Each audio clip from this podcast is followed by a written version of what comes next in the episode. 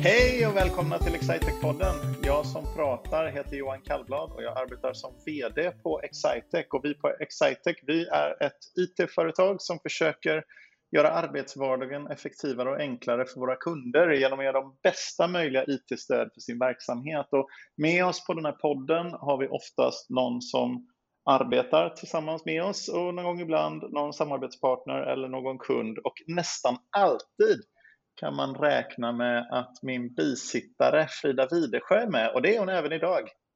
Det är jag, jag är med. Hej Frida! Hej Johan! Va, du, vi hade en liten speciell inledning även på denna podden och det handlar om att, eh, att jag, eh, jag ska ju vara ledig på torsdag, fredag och jag börjar komma in i lite sådär semestermod och sitta här med en fleecetröja. Jag jobbar hemifrån men jag sitter med en fleecetröja och kan inte låta bli att göra ledighetstyp av grejer, eller hur? Halvbra fokus skulle jag vilja sammanfatta det som. lite, lite dåligt fokus. Uh, ja, men det är synd. Vi hoppas att vi har någon gäst med oss idag som kan, uh, som kan reda i det här med fokusen så, så det här slipper bli tongivande för hela poddinspelningen. Eller det är vad du hoppas också, tänker jag Frida. Ja, Cecilia, vi lägger allt ansvaret på dig nu. Absolut. Hej Cecilia Lindgren! Hej!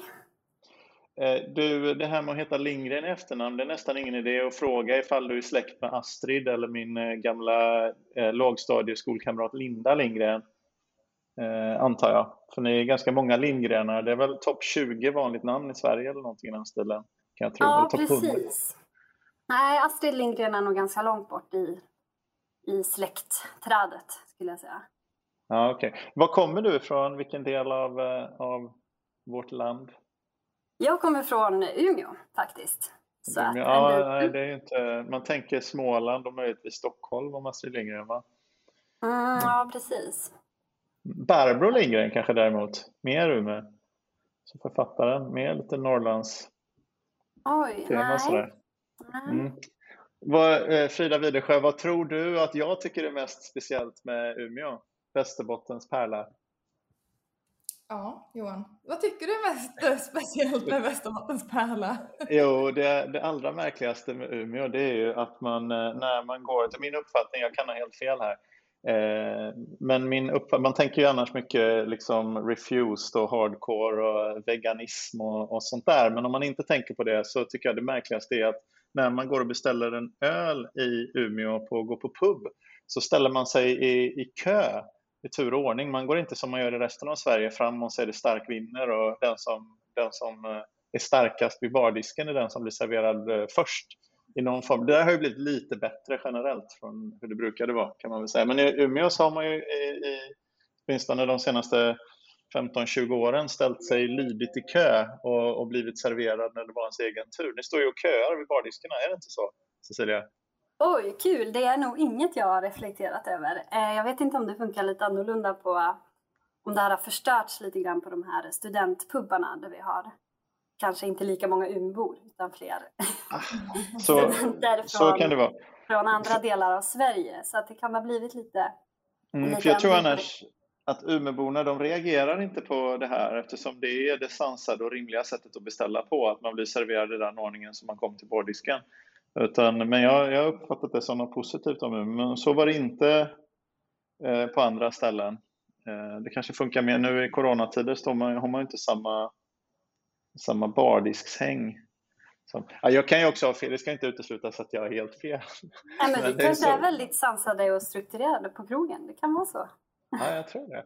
Var, är du från downtown Umeå, Umeå liksom, eller har du, eh, har du hängt i, eh, så här, ute i Vindeln eller någonting i den stilen, eller sådana platser som Umeåbor ja, ofta kommer ifrån? Ja, har jag absolut varit i. Nej, jag kommer eh, från, eh, vad är det, ungefär fem kilometer utanför själva stadskärnan. Eh, yeah. Stadsdel som heter Tomtebo.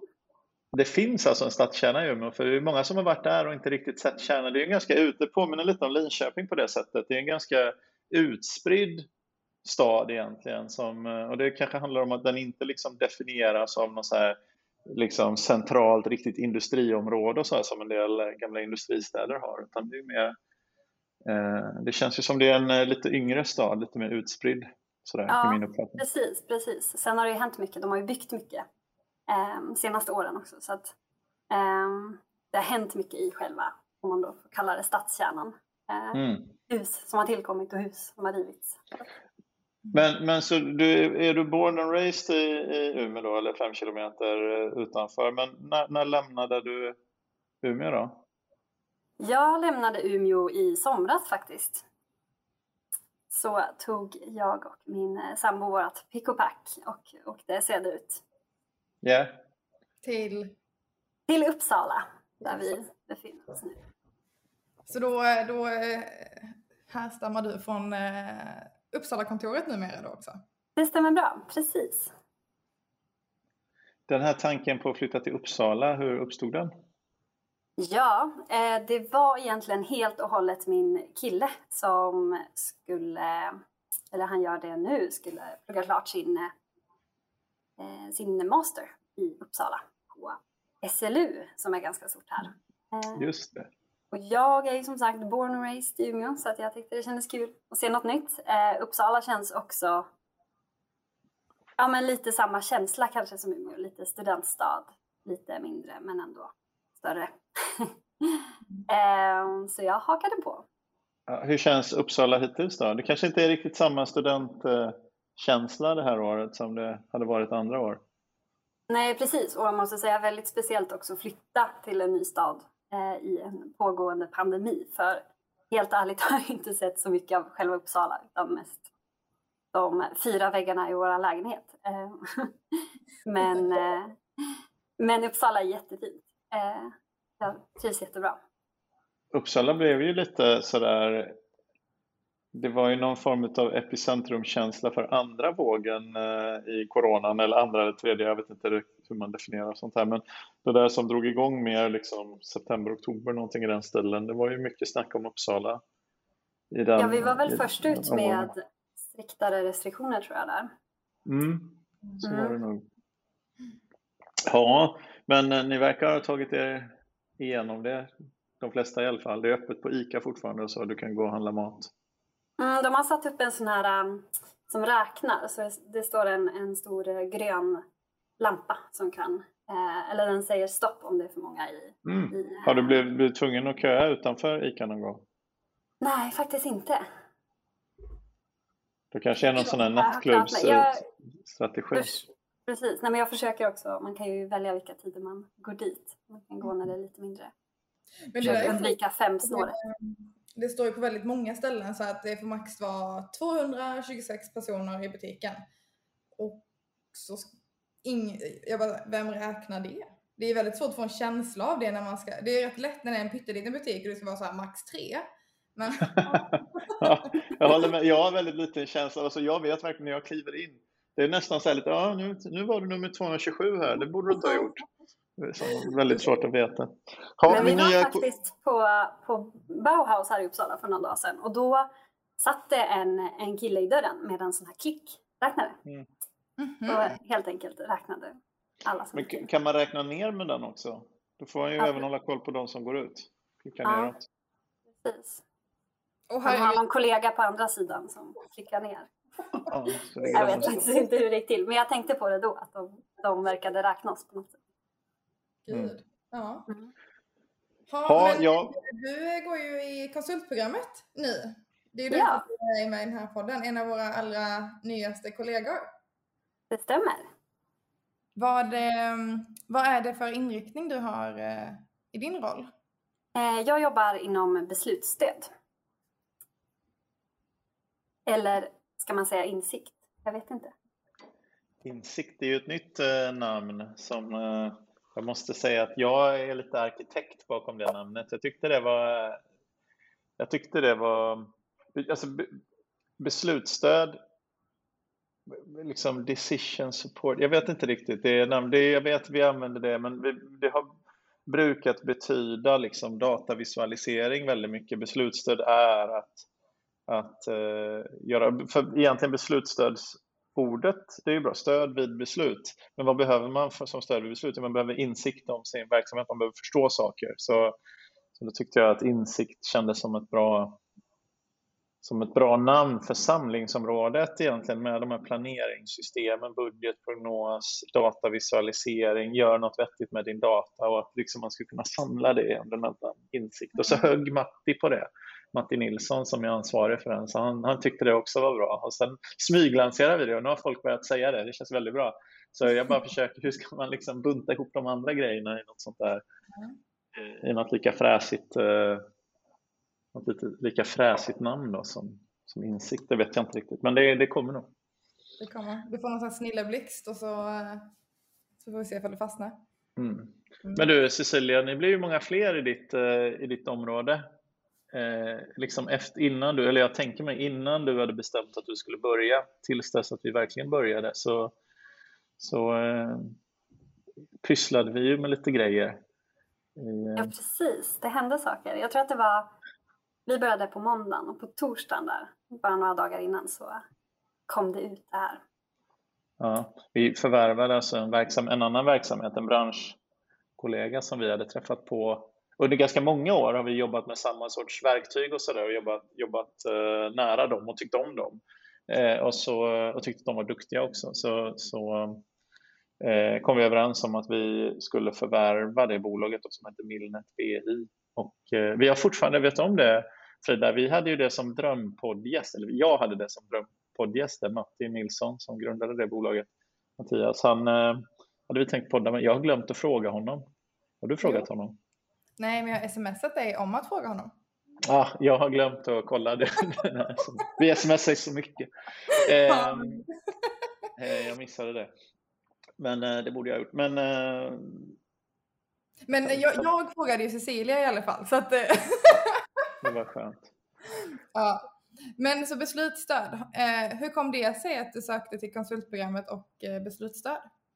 Ja, precis. Jag sökte ju till eh, konsultprogrammet i stort, så egentligen inte...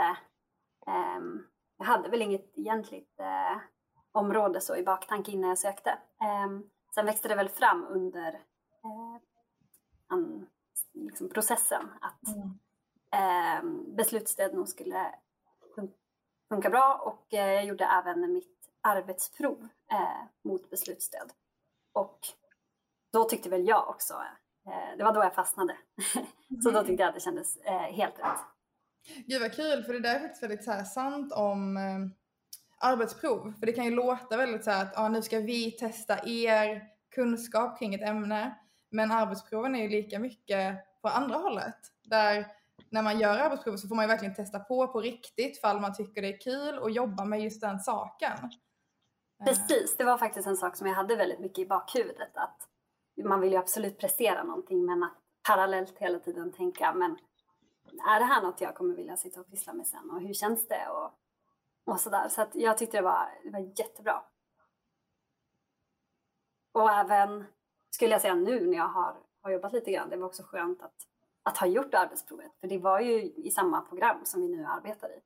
Så mm. att man fick som en liten, en liten skjuts på vägen när man började. Just det. Men vad, vad är det du har pluggat för någonting? Jag har pluggat eh, industriell ekonomi i Umeå då. Mm. Är, det, är det en eh, mastersutbildning eller heter det civilingenjör fortfarande? Ja, nej, men precis. Nej, men det är en civilingenjörs, civilingenjörsutbildning där det, det är fem år. Mm. Mm. Vad, vad var det när du, när du valde att plugga den då? Varför, varför valde du det? Ja, men jag var nog eh, alltid inne på någonting lite tekniskt och eh, alltid tyckt om matte och så. Det är någon som har sagt det också, att eh, just industriell ekonomi är någon slags förlängning på natur på gymnasiet för de som fortfarande inte riktigt vet. men, men det du visste ändå, det var att du ville stanna i Umeå och plugga? Eh, nej, det var nog inte glasklart. Eh, jag har roligt nog alltid sagt att jag ska plugga i Uppsala. eh, just för att det känns som en kul studentstad. Ehm, men det blev Umeå ändå. Eh, men det blev ju väldigt bra, skulle jag säga. Missade du inte något av studentlivet om du inte gjorde som alla, eller liksom flyttade in i studentkorridor och hängde med, med eh, andra studenter och sådär, eller hur? Precis, jag tänkte lite på det om, eller innan om det skulle vara så att man har kvar liksom. Eh, för många som flyttar upp till Umeå har ju verkligen ingen annat inget annat sammanhang där. Så att det blir mm. ju, det är också en sak som, som är väldigt bra skulle jag säga, för det blir väldigt bra sammanhållning. Det finns inte så mycket annat att göra höll jag på att säga. Nej men det är ju ganska långt. Det är inte så lätt att, alla åker inte hem en helg eller sådär utan det blir väldigt bra sammanhållning så. Um, men det gick jättebra. Vi, jag eh, embraceade studentlivet fullt ut skulle jag säga. Mm. Det blir, det blir lite som en ny, en ny stad faktiskt skulle jag säga. Um, det är mycket man inte har sett uh, med hela universitetsområdet när man, när man bor och växer upp där. Mm. Um, och student. Men kom du, eh, kom du i kontakt med Excitec under eh, studentlivet? Det gjorde jag inte. Eh, jag hade faktiskt inte hört talas om Excitec under utbildningen. Utan det var, det var först sen. När jag flyttade ner hit. Hur kom du i kontakt med oss då? då?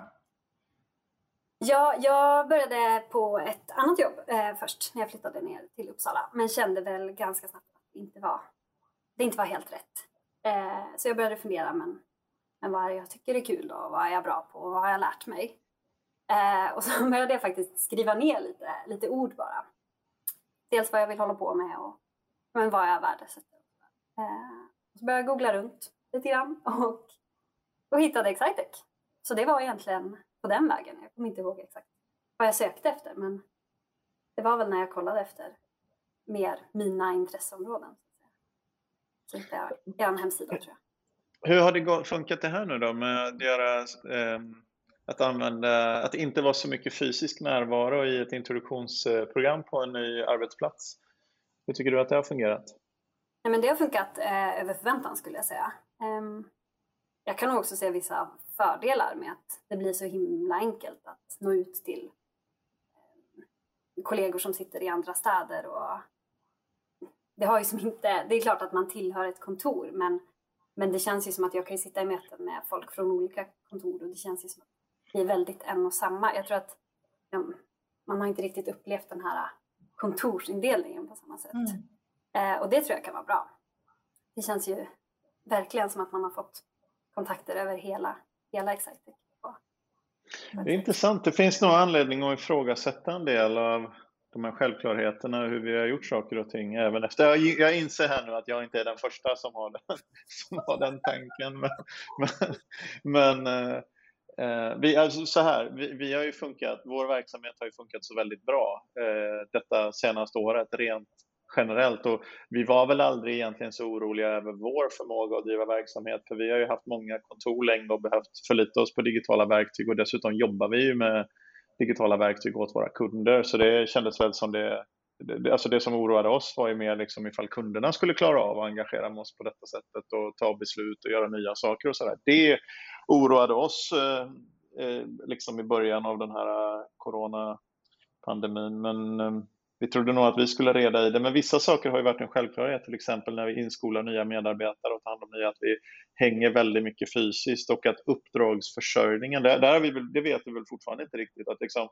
uppdragsförsörjning för någon som är nyare kan ibland hända på ett ganska ostrukturerat sätt där någon bara är på kontoret och har mycket att göra och det blir liksom lätt att ta några grejer man inte hinner med och ge till någon annan och då har jag ju varit lite nervös om man inte ser den här andra personen som inte har så mycket att göra liksom hur, hur ska den interaktionen som är ganska informell eh, hos oss, vi jobbar ju inte sådär jättemycket med centraliserad arbetsledning egentligen. Eller vi, vi försöker göra det så lite som möjligt. Vi tänker att smarta människor ute nära kunden kommer kunna tänka ut själva hur man delar jobb med varandra. Liksom. Det, Dessutom blir det billigare, behöver inte lika mycket mellanchefer, tänker jag. Så, men den är vi väl fortfarande, eller jag är väl fortfarande orolig över det. Jag har inte sett det fört i bevisningen att det, att det funkar, för det, det är för tidigt helt enkelt att, att se det. Men eh, ja, Ja, det var ingen. Jag förväntar mig inte heller att Cecilia att du ska ha svaret på det där också. Men om du har det, då, då tar jag tacksamt emot.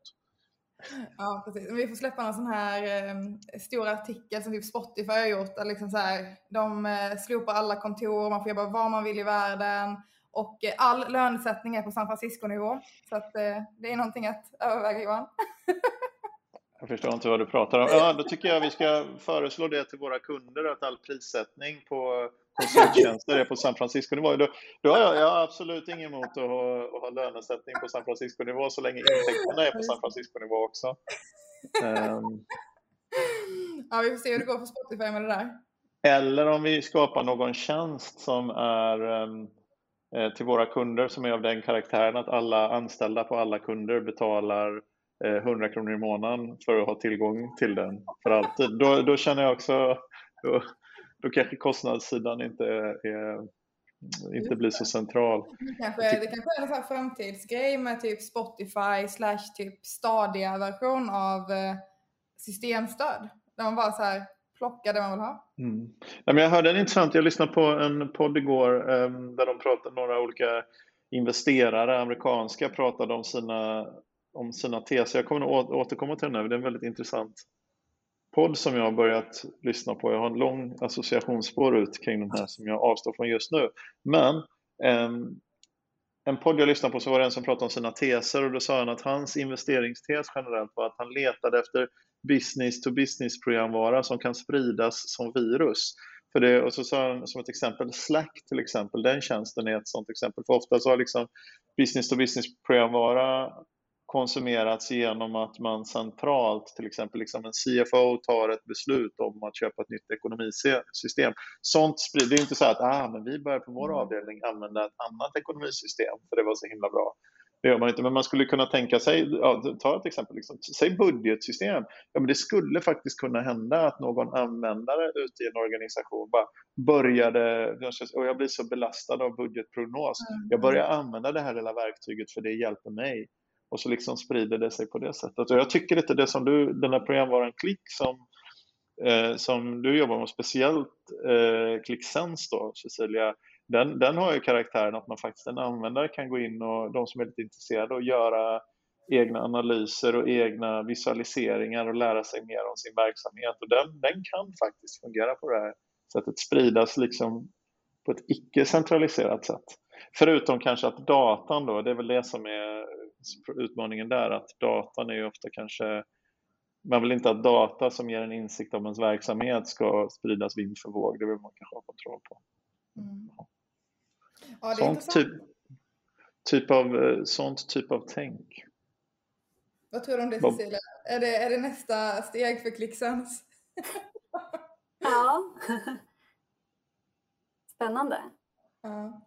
Nej, men det men... märker man ju att det är um suttit med på några eh, kundmöten att det verkligen är vissa, vissa kunder som, som har ett stort eget intresse och som själva är väldigt bra på att eh, det är jättekul när de kommer med liksom, egna idéer och verkligen har mm. suttit och tänkt att åh, tänk om vi skulle kunna göra så här. Då är det ju så, det är så kul att jobba med. Liksom. Mm. Med så då blir man ju mer faciliterare som konsult på något sätt, för ofta är det inte liksom det som är allra svårast i projekten det är ju att komma fram till vad ska man mäta, hur ska man mäta, var idag. Sen blir det liksom gradvis kanske mer tekniskt. Hur får vi ut data ur underliggande system? Hur transformerar vi den så att den kan, hur hänger den ihop och sånt? Det kanske är lite mer tekniknära men, men eh, liksom väldigt mycket handlar om vad, vad vill vi mäta egentligen? Och, och, och att vara öppen där för att verkligen skaffa sig insikter då kring, kring sin verksamhet. Um, det hade jag nog önskat mig. Om, om kunder hade förstått hur bra verktygen är så skulle de lägga lite, mycket, lite mer tid på att tänka lite friare. Vad skulle vi, eh, vi önska att vi hade kunnat mäta istället för att tänka för mycket på liksom tekniska och begränsningar och sånt. För tekniken är nog inte begränsningen. Det svåra är att, den här fantasin kring vad, eh, vad man skulle kunna mäta. Så kan man ofta få liksom nästan en slags eh, wow eller aha-upplevelse kopplat till de här verktygen tycker jag som, som är ganska spännande när man får vara med liksom en, en man får vara med om en kunds aha-upplevelse när de säger men oj, vänta lite, vad intressant. Det är ju det roligaste med det här området tycker jag. Så just det, men det var ingen podd med mig nu, vi skulle prata med Cecilia. Cecilia, du går ju konsultprogrammet. Hur, hur har upplägget varit för dig som eh, går beslutsstödsspåret om man säger så? Precis, ja men det började med, eh, det var två veckor som var gemensamt med hela konsultprogrammet. Eh, mycket liksom utbildningar som sträcker sig över hela, eh, hela Excitex så att säga. Eh, sen var det lite, eh, några veckor med områdesspecifika utbildningar Så då har vi haft mycket då i det här programmet, eh, programvaran Klick som jag pratat om. Eh, så mycket liksom rent eh, ja, men liksom användarutbildningar där vi har fått klickat runt helt enkelt och lärt oss. Eh, och även en hel del utbildningar om ja, men konsultmannaskap och vad det egentligen innebär och sådär. Mm. Eh, sen måste jag tänka, vi eh, fick eh, ett, eh, en caseuppgift här. Konsultfärdighet är ordet vi använder. Det blir inget genus, eh, inget genusspecifikt. Just det, just det. Mm. Bra där, snyggt fångat Johan. Verkligen. Mm. Man är lite with it. lite woke. ja, men du vet, man får vara lite, man får vara lite plugget när man pratar med en, med en uh, Umeåbo här va? I, uh, Cecilia, vilket pronomen föredrar du att tilltalas med? Eh, oj, du tänker på eh, hon, eller? Ah. Ja, om det är det du föredrar. Ah. Johan, nu är du så himla extremt woke. Det här, nu har vi nya spokesperson för eh, woke-vågen. ja. Nej, det där är bra, bra grejer. Eh, så att jag inte, det lät kanske som att jag var raljant. Det var jag faktiskt inte. Utan eh, jag eh, får ju min dagliga örfil här av min eh, hemmavarande 18-åring som, eh, som är ganska progressiv, alltså min tonårsdotter som berättar för mig när jag tar fel steg på ett, på ett bra sätt i huvudsak. Men ja, så det var det. det är konsultfärdighet. konsultfärdighet, ja. Det... Ja men det är bra. Så konsultfärdighet och så har du, eh, du var inne på caseuppgiften ni har dragit igång med nu då? Precis, ja men det har fortsatt med lite utbildningar och vi har även eh, ja, men fått eh, sitta med på eh, dels kundmöten, eh, sen har man ju också en mentor så att jag har mm. haft mycket tid med min, med min mentor. Jag har suttit liksom, ja, men skuggat honom när han har jobbat. Mm. Um, och sen i, var det förra veckan så fick vi presenterat vår caseuppgift som då är en uppgift som vi jobbar eh, med nu i två veckor. Just. Som är liksom ett case då som vi får. Kan du inte berätta lite mer om det caset? Precis. Eh, vi har ett eh, bolag som heter Cykelbolaget. Mm. Ehm, så att ehm, man blir uppdelad då. De har delat upp konsultprogrammet utefter vilket affärsområde man har. Och så får man då ett ja, men som ett riktigt case eh, som skulle kunna vara en, en kund eh, till Excitec då. Mm. Eh, som vill att man ska leverera någonting. Så vi har då ett bolag som heter Cykelbolaget som vi ska eh, följa upp deras ekonomidata i mm. klick då. Mm. Eh, man får även då kunder eller kontakt, eh, kontakter på det här företaget. Eh, så man får boka in kundmöten och checka av med dem. Och sen ska vi presentera då den slutgiltiga lösningen nu på fredag. Wow, spännande. Ja, känns det som att ni har kommit fram till någonting då? Ja men absolut. Vi har börjat sätta upp, eh, idag sitter vi nu och håller på med själva resultatrapporterna vi ska presentera sen. Så att eh, vi, har, vi har lyckats få ut lite data och börjat ställa upp det. Härligt. Hur många är ni som jobbar tillsammans i den här typen av projekt? Just i mitt projekt så är vi tre stycken. Ehm, vi är vi tre eh, som har börjat på beslutsstöd. Ehm, de andra grupperna har blandade från olika leveransområden. Så då kan det vara till exempel två Visma businesskonsulter och någon från eh, ett annat leveransområde. Men vi är rent, rent beslutsstöd i vårt. Men vad heter det, vi pratade ju lite innan den här podden eh, om eh, ett segment som heter Någon berättar om något. Och eh, det har ju faktiskt du funderat lite på. Ja, precis. Eh, jag har ju också lyssnat lite på podden så jag var ju lite förberedd på att det här skulle komma. Ehm, precis. Eh, nej men jag skulle faktiskt eh, vilja slå ett slag för Norrlands inland. Wow! Som man kanske underskattar ibland skulle jag säga. Vad, vad är, eh, vad är Norrlands inland? Om vi liksom ska ringa in det på något sätt. Ja, bra fråga. Men jag tänker, eh, eller ja, egentligen hela vägen upp till liksom, eh, Abisko riksgränsen där. Eh, det var egentligen så här att vi flyttade ju, jag och min, min kille flyttade ner till Uppsala nu i somras. Och eh, ja, ganska långt innan det här så sa vi upp vår lägenhet och tänkte att det kunde vara kul att, att ha en månads glapp där vi ja, men drar, drar till Bali eh, istället. För att liksom, det var väldigt bra timing tycker jag. Ja men precis, vi sa upp lägenheten så vi hade liksom en månad utan, utan bostad. Eh, sen kom det som alla vet en, en pandemi eh, där och förstörde våra Bali-planer lite grann. Eh, så vi fick ställa om och det hela slutade med en, en månads husvagnssemester då i Norrlands inland. Men Norrlands inland är ju, så här börjar det bli svårt för mig alltså egentligen att hänga med. Jag vill säga liksom ord som, som heter typ Wilhelmina och Dorotea och sådana härliga namn mm. som nästan låter som kvinnonamn. Eh, men de, de säger mig väldigt lite.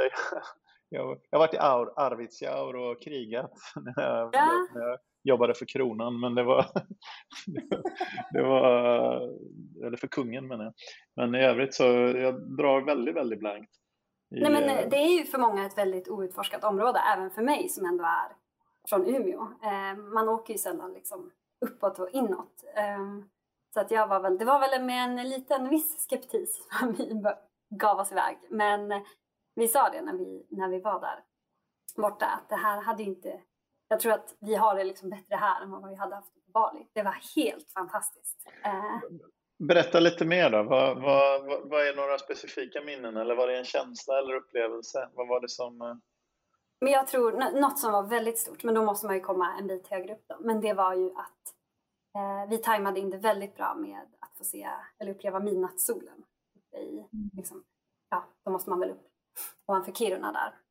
Eh, men det var helt alltså surrealistiskt. Det var också väldigt mycket snö kvar. Det här var i juni eh, och vi var uppe i riksgränsen där och de hade ju men två, tre meter snö kvar men sol ja men dygnet runt. Man tappade liksom nästan tidsuppfattningen lite grann för att vi mm. kunde vara uppe mitt i natten eh, och så fick liksom sol i ansiktet. Eh, så det tycker jag nästan alla ska uppleva någon gång. Det var väldigt häftigt. Wow. Ja. Mm. Men eh, norrsken och hela den här biten då, det är inte på sommaren man får tag i det? Nej. Norrsken är fantastiskt. Däremot så kan jag säga så här, då det inte är fantastiskt, det är ju om man till exempel jobbar för kungen eh, ett tag och hänger i Arvidsjaur då, som, är, som jag gjorde någon, någon period, så, så, och det kommer norrsken om man ligger ute i fält och man inte vet vad norrsken är som sörlänning, som jag är då, men man är lite på hugget eftersom man väntar liksom på att ryssen kommer. Eh, då, då kan man bli väldigt, eh, faktiskt, jag vet inte om jag har pratat om det det, men, men jag, blev, jag blev väldigt rädd. Eh, för att det lyste upp. Det var ju ett fantastiskt ljusfenomen om man är rädd för det.